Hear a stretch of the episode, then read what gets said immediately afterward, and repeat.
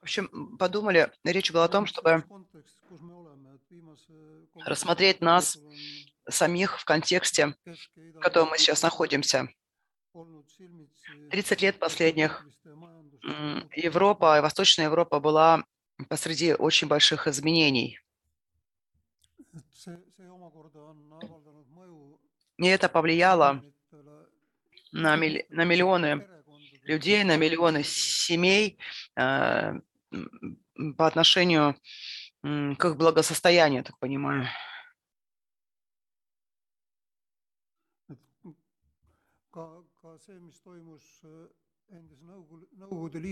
То, что происходило на территории бывшего Советского Союза, оно не оставило семьи э, ну, то есть не было такого, чтобы не коснулось какой-то семьи.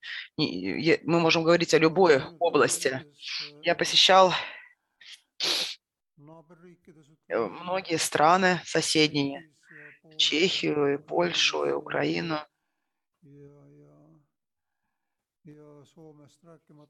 Финляндию. Если говорить о Восточной Европе, э, там и Венгрию, посещал церкви, они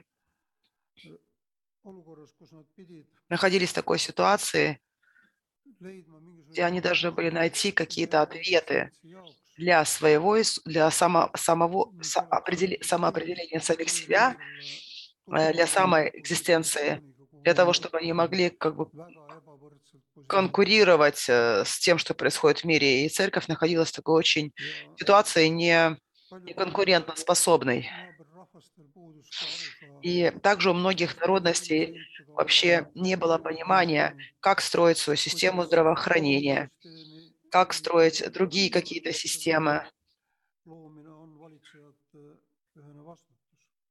И это, э, в общем-то, вот это построение этих систем было ответственностью руководителей страны.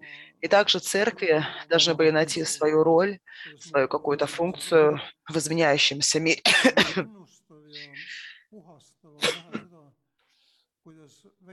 И увидеть, как э, и нужно было понять, как, как маленькие церкви.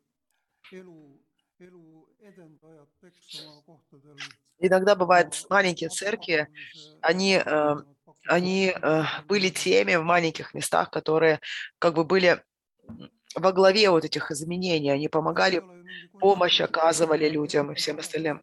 Это не искусство, в принципе, благотворительностью заниматься и а, благие дела делать. И в Библии написано, что этим даже ну, язычники занимаются.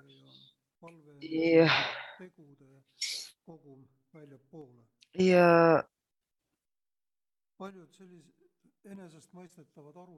и вот такие об, обыкновенные вещи, 30, вещей, 30 лет назад, понимание людей о работе, о ежедневной жизни, а, они все изменились со временем. Люди уже не работают 25 лет в одном цехе или на одном заводе. Люди не идут а, на пенсию с того места, где они начинают свою работу. А люди, они а, они работать могут в разных местах понемногу. И, в общем-то, вот это тоже поменялось. Коллективы многие развалились, но появились другие какие-то коллективы, э, появились новые растущие церкви. И но с церквями также возникли новые, новые духовные такие спиритуалитеты, спиритуалитеты. И если говорить о перемещении народов, э, даже без, без войны много народностей перемещалось в Европе, то можно сказать, что люди, которые въезжают в страну, они все привозят э, свою какую-то веру, свои какие-то понимания. И я это рассказываю, рассказываю для того, что насколько важно, хочу показать, насколько важно сохранить свой христианский идентитет э, вот во всем этом изменяющемся мире. И поэтому из-за из того, что контекст изменяется, общество изменяется, и мы живем опять сейчас в очень больших переменах, таких что, штормах. И, и в Эстонии объявлено сейчас какое-то положение в связи с беженцами, по-моему, не чрезвычайное положение, не знаю, потому что нашу, допустим, нашу свободу тоже начинают немножко ограничивать. И, и допустим, допустим, когда такие ситуации возникают в странах, то тогда руководство переходит э, в руки полиции и так далее. И,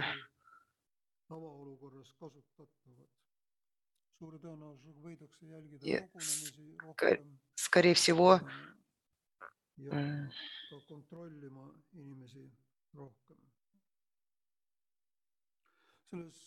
так, у меня интернет гуляет немножко. И в таких ситуациях, когда происходят вот эти турбулентности, нам нужно думать с церковью, как мы справимся. И как мы не каждый поодиночке даже справимся, а как мы все вместе справимся. Вот с, с, с этими сообществами, которые живут уже здесь, те, которые возникают, новые сообщества. Как мы можем, как христиане, объединить эстонское общество с другими людьми, чтобы не смотреть на народности, на цвет глаз, а, а, а относиться друг к другу по-братски.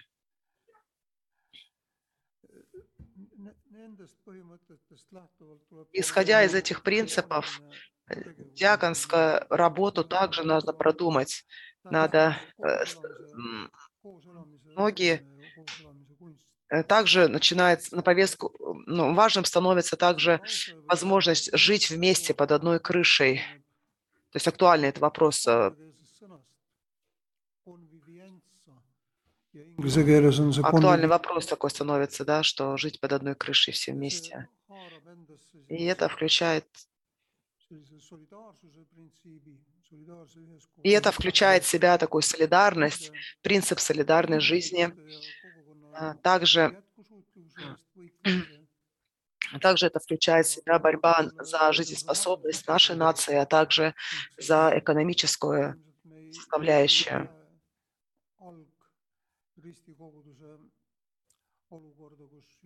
Конечно же, мы, мы не, э, не будем же жить, жить в такой ситуации, как жили в первой церкви, когда все жили вместе, и у всех было все общее, да, но тем не менее сегодняшнее время вынуждает нас уже э, меньше думать об индивидуализме, а думать больше как об общем целом.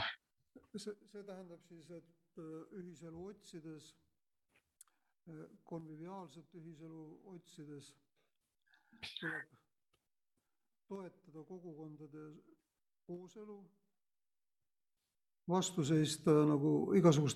и здесь возникают новые вопросы, с которыми нужно сталкиваться. Это и здесь я вспоминаю пророка Ветхого Завета, которые призывали к социальной справедливости, которые призывали каждого, э, призывали к тому, что каждый человек достоин уважения, каждый человек ценен. Очень важно понимать, что на таком фоне, который я описываю, в европейском контексте, в том числе и Восточная Европа, и эстонский контекст,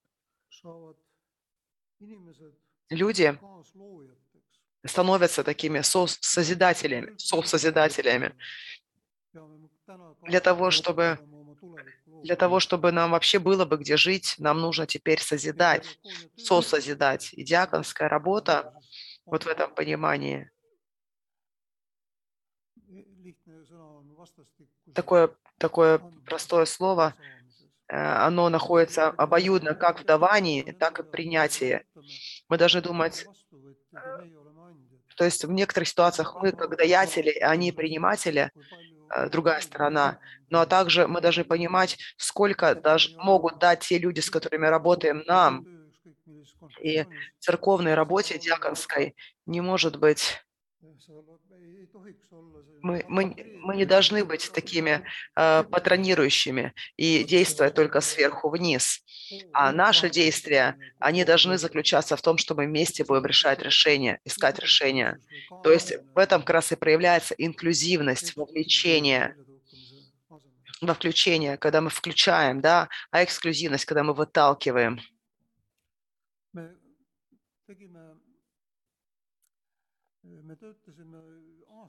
Мы годы работали в одном проекте, который назывался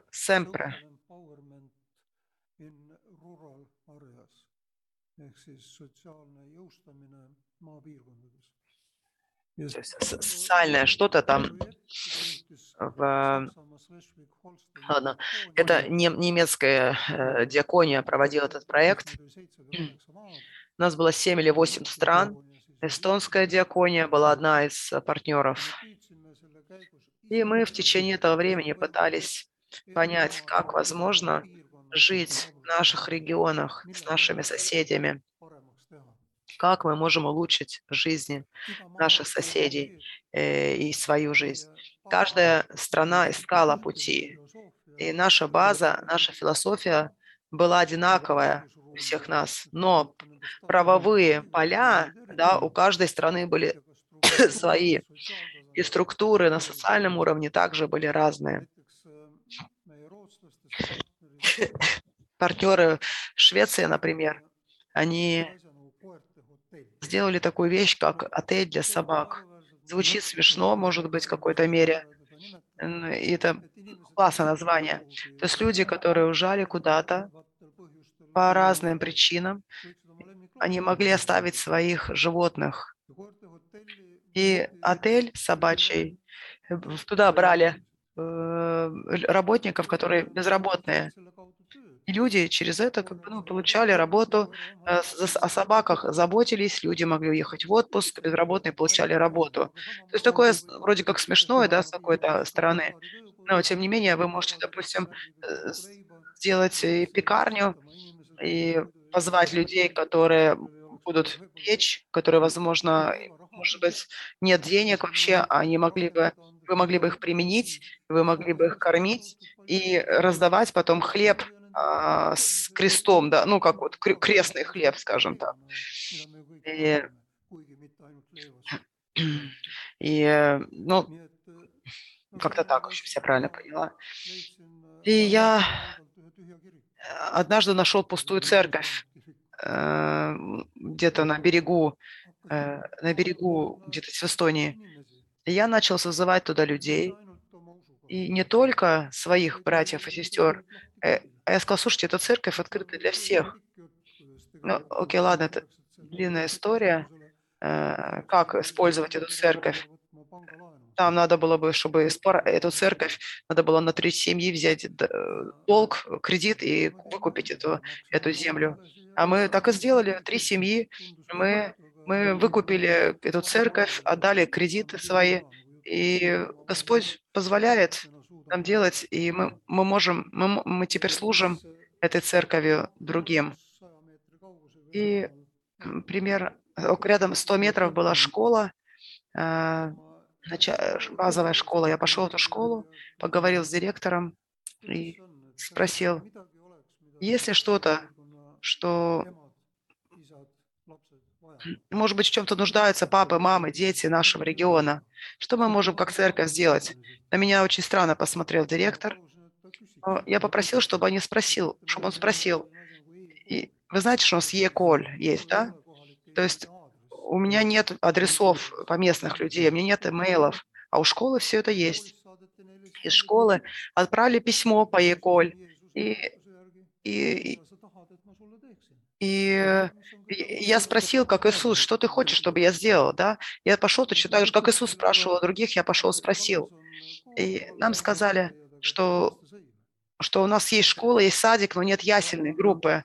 Нужно, нужно заботу о детях организовать, о детях до трех лет. И, и, и мы сделали это, мы сделали эти ясли. Мы пять лет проработали. И потом волость построила а, ясли сами. И, и нас уже, ну, нашей помощи не было, не нужно было. Но за пять лет мы познакомились со множеством людей вокруг, с мамами, которые приходили за детьми. А, и мы спрашивали, мама, а что, что бы вам нужно было бы? Как мы можем помочь? А мамы сказали, нам некуда ходить, мы не знаем. Хотелось бы на танцы, например, потанцевать хотелось бы где-то. И, и мы сделали школу, школу по танцам, и они танцуют до сих пор в церкви, в той же самой церкви. Ну, там построили, конечно, э, помещение при церкви для дневного центра. Поэтому всегда есть вещи, которыми мы можем служить, чтобы и Божье Слово не всегда должно быть проповедовано только словами, а может проповедоваться по-разному.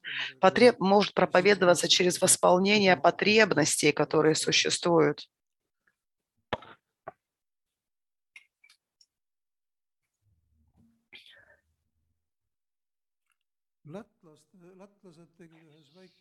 Латыши маленькой влипая сделали э, возможность для того, чтобы инвалиды собирались в одном месте.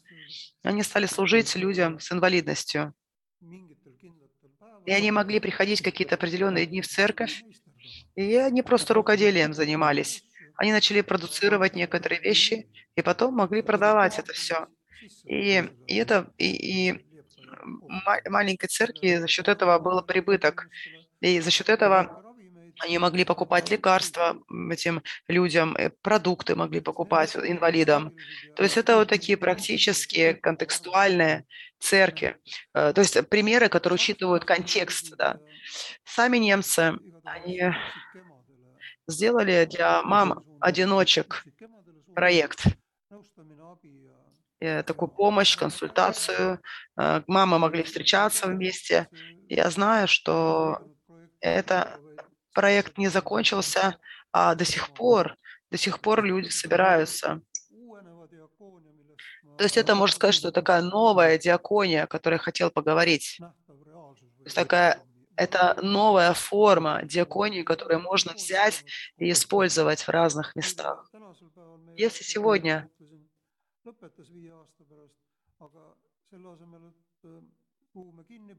и, допустим, как я сказала, что пять лет мы были ясли, и вместо того, чтобы закрыть это помещение, мы стали говорить э, социаль э, амет и начали обсуждать с ними.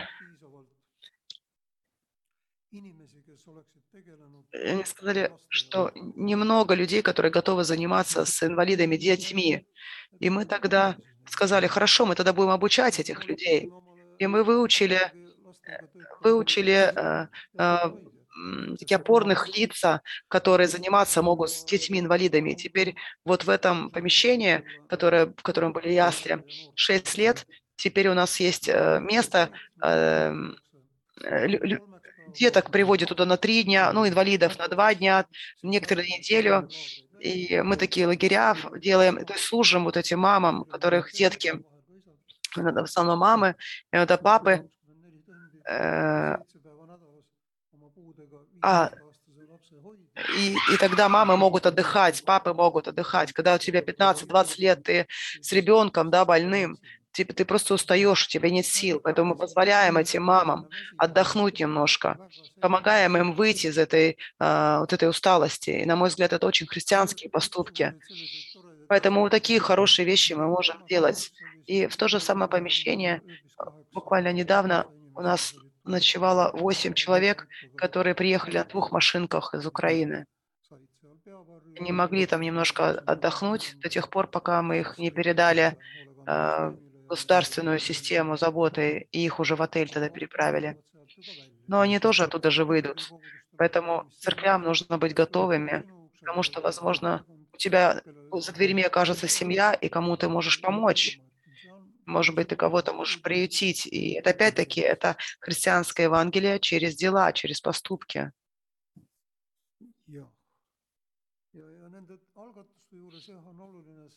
И я вам сказала, что всегда, чтобы начать что-то делать, нужно спросить, что тебе нужно, чем я могу тебе помочь. И и мы никогда не можем думать и знать заранее, что люди, в чем люди нуждаются. Каждый человек сам знает свои потребности. потребности. И каждый, поэтому мы должны спрашивать. Каждый человек является архитектором своей жизни, а мы со своей стороны можем помочь им руку помощи, можем помочь, может быть, какие-то материалы для строительства и быть с человеком рядом.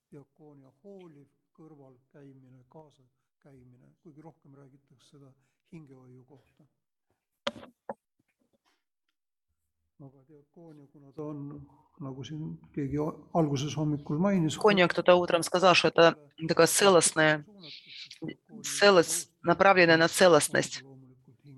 Поэтому диакония, конечно же, частью диаконии является и душепопечение. Это помощь э, духовная, помощь э, душепопечительская и так далее.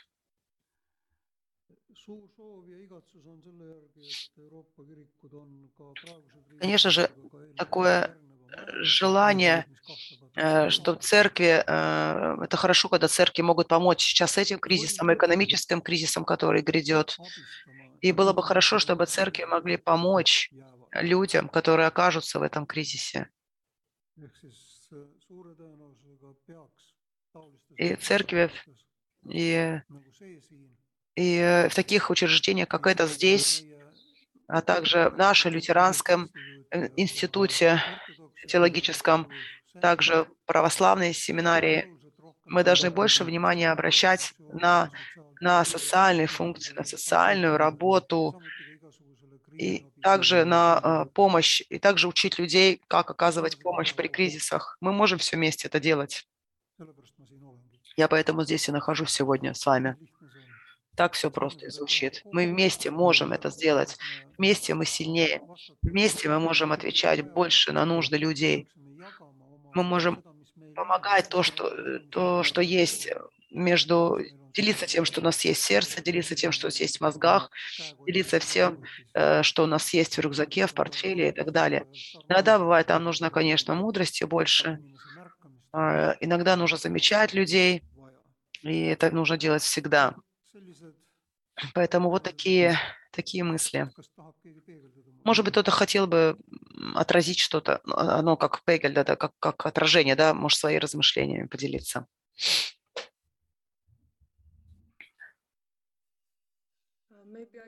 I could share something um, coming from a city church. Я из э, городской церкви, и наша проблема, что наши члены, они все заняты. И год за годом их посвящение в церкви, оно все меньше и меньше, особенно после короны. Посвящение очень сложно найти в наше время. У нас много есть идей, как помогать, как помогать, но, но ресурсы найти очень сложно, именно человеческие ресурсы найти очень сложно. Поэтому, единственное, а, может быть, одно из решений – это работать вместе э, с всеми церквями.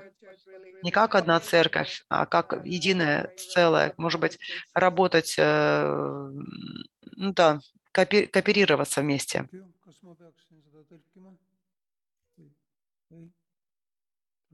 Нужно переводить. Э.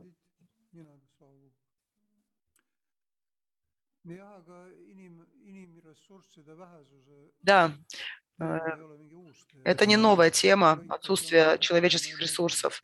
Я уже сказала о том, что жатвы много, делателей мало.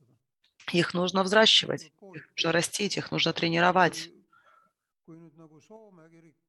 Так, если в Финляндии люди говорят, что у них мало посвященных людей, тем не, ну, хотя их э, количество христиан э, процентуально гораздо больше, чем в Эстонии даже.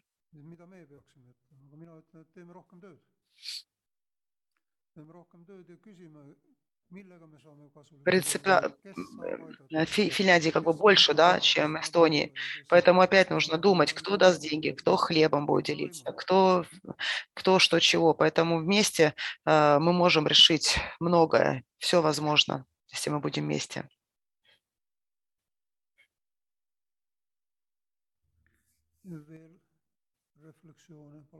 Еще какие-то размышления?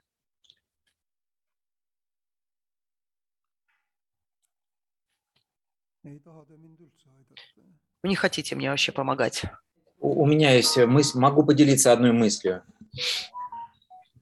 А, а, У меня такая мысль, что э, вот только что говорилось о христианах, которые, ну, назовем их теплыми, теплыми или хо- холодными, пускай будут теплые, с которыми очень сложно работать, то есть они ничего не хотят. Другими словами, когда в сердце человека безразличие, очень сложно просить его о том, чтобы он был душепопечителем, о том, чтобы он о ком-то заботился.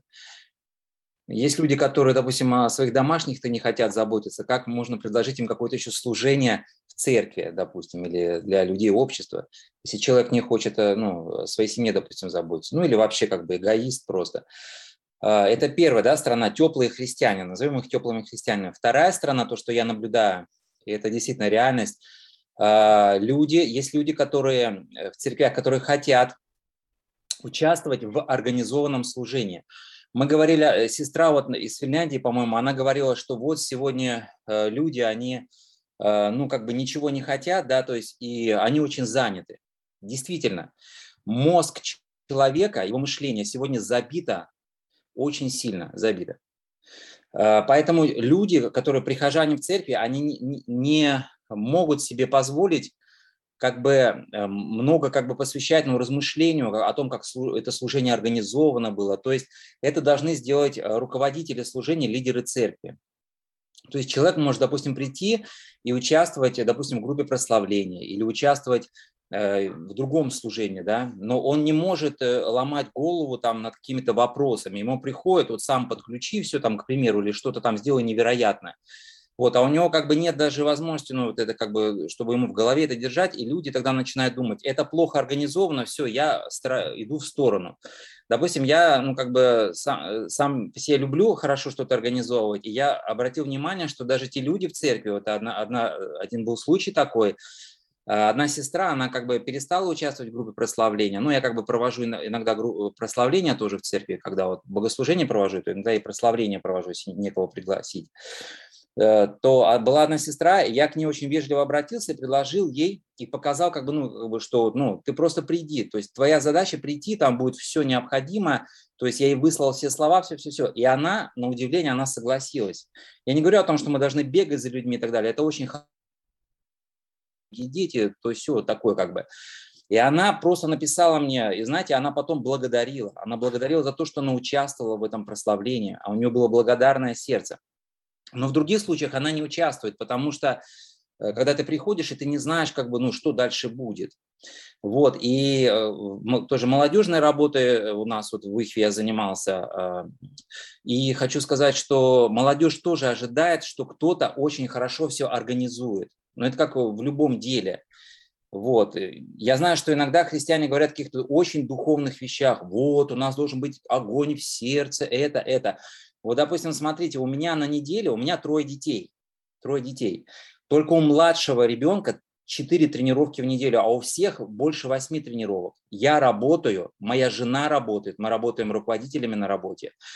Э, Здесь, ну, во время учебы, почему я там не там, а здесь сижу, то есть я успеваю на переменах развозить детей, музыкальные школы, тэквондо, футбол и так далее. Извините, что я так долго говорю, но скажу к тому, что нужно организовать. Есть, есть да, теплые люди, которые не любят Бога. Есть христиане, которые не любят Бога. Они ради него даже с дивана не встанут. Им даже в ломняк в церковь-то прийти в воскресенье. Уж говоря о том, чтобы они страдали за Христа или вообще что-то делали. Это все понятно, закрываем эту тему. Но есть те, которых важно организовать. То, что вы говорили, вы пошли, что-то сделали, вы рассказывали, да, женщины сказали, мы хотим танцевать, мы хотим что-то. Вы начали это делать, а, вы организовали, и люди подтянулись, появляются желающие. Вот нам нужно в этом как бы больше немножко развиваться, в том, чтобы организовать служение таким образом, чтобы люди, не забивая себе мыслями голову, шли к этому. Спасибо. eh, tulla ja teenida, mõtlemata, et nemad peavad midagi organiseerima, aga nad saavad lihtsalt osa võtta. organisatsiooniline külg ehk asjade organiseerimine,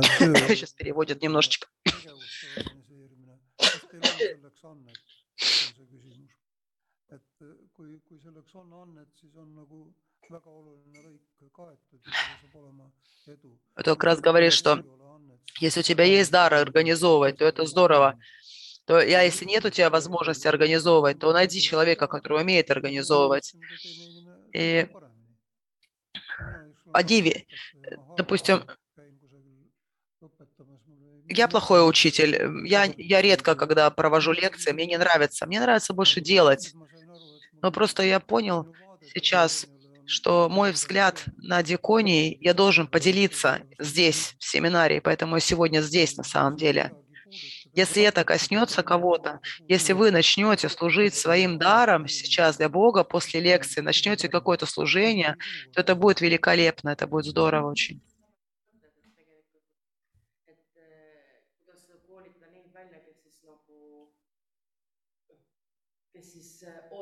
eh, tahaks küll teha, Есть люди, очень много, которые хотели бы что-то делать, но не знают, не умеют. И, и, и, и очень часто получается, что в церкви есть одна группа людей, которые везде вовлечены, и, и, и, и, и у них нет сил учить кого-то другого даже, да, то есть э, если в воскресенье посмотреть, э, et see on hoopis omaette nagu väljakutse, et eh, sest igal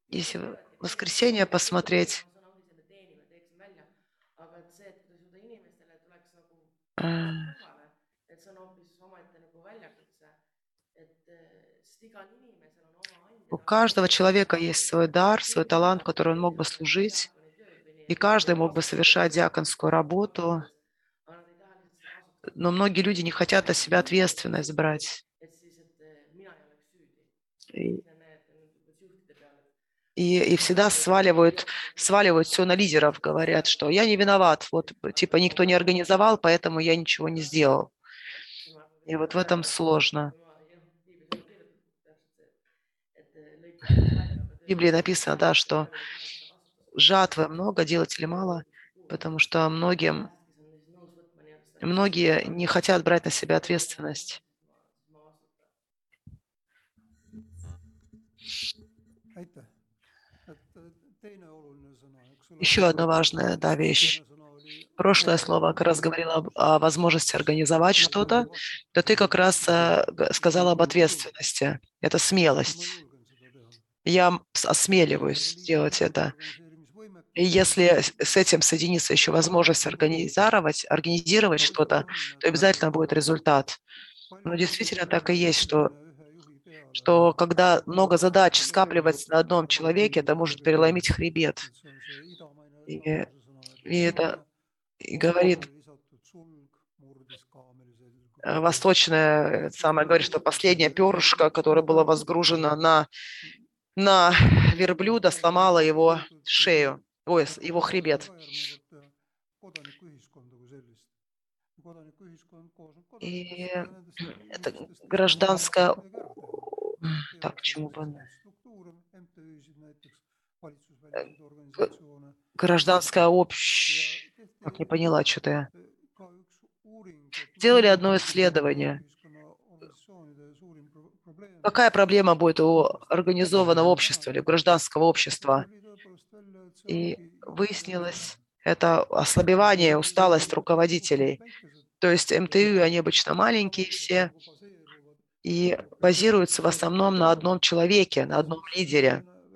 Этот человек, он может устать, и есть такая угроза, что эти руководители, конечно, бывает, не хотят отдавать ответственность. И, и здесь еще с организацией стоит еще, наверное, слово доверие. Доверие. Для того, чтобы организация или церковь функционировала долго, то лидер должен доверять другим людям. Это как одна история говорит, когда Иисус ушел на небеса. Э, Не берите буквально слово в слово, но Петр пришел э, встретить, встречать его к воротам и спросил, как у тебя пошло, как, как твоя миссия?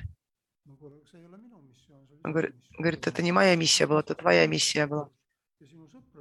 Я, или Петр пришел к Иисусу, и И он говорит, что это не моя миссия, Петр, а твоя миссия.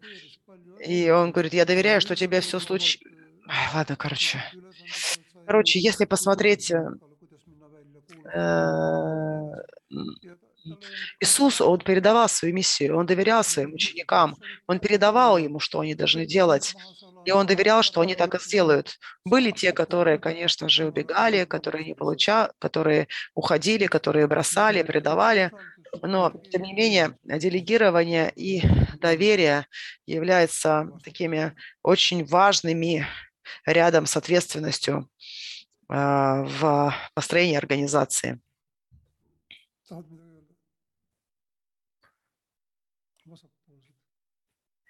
Кто еще что сказать хочет?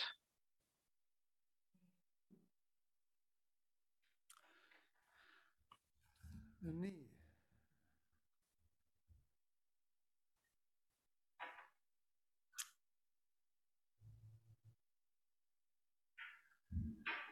võtame siis selle asja kokku täna , et äh, diakoonia töö tegijatel või diakoonilisel kirikul on У диаконской есть и права, и обязательства отвечать, отвечать на двойной призыв. И вот этот призыв на его, на его работу. И этот призыв. Это призыв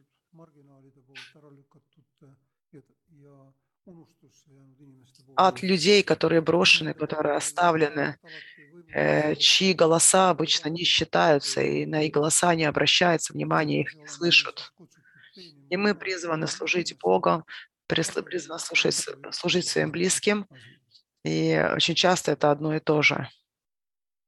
То есть служить людям, и тем самым ты служишь Богу. Служишь Богу, служишь людям. Будем стараться это делать.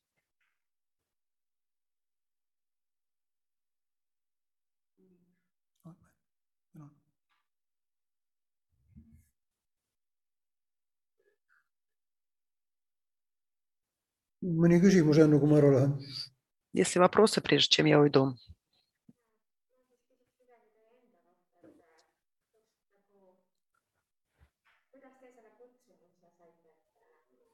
Как вы получили свое призвание?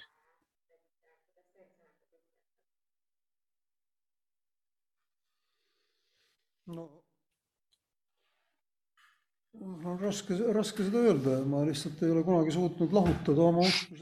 Я не мог никогда свою рабо- веру отделить от того, что я делал. Если я не буду делать, во что я верю, то это плохо. Я не хочу чувствовать себя плохо. Н- Начал с того, что я начал добровольцем служить в тюрьме. А до сих пор делаю это.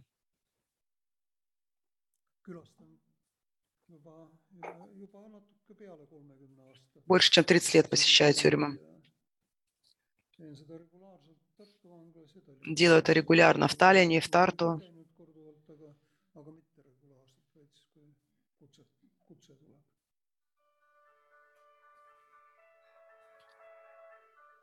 Когда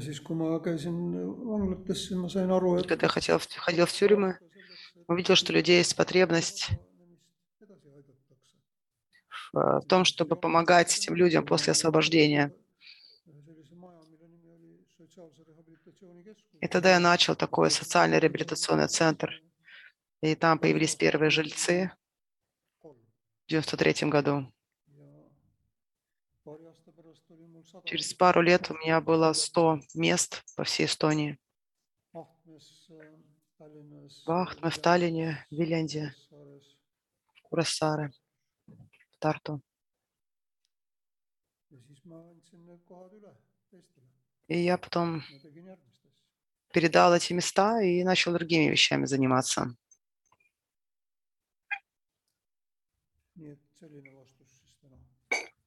Такой ответ сегодня.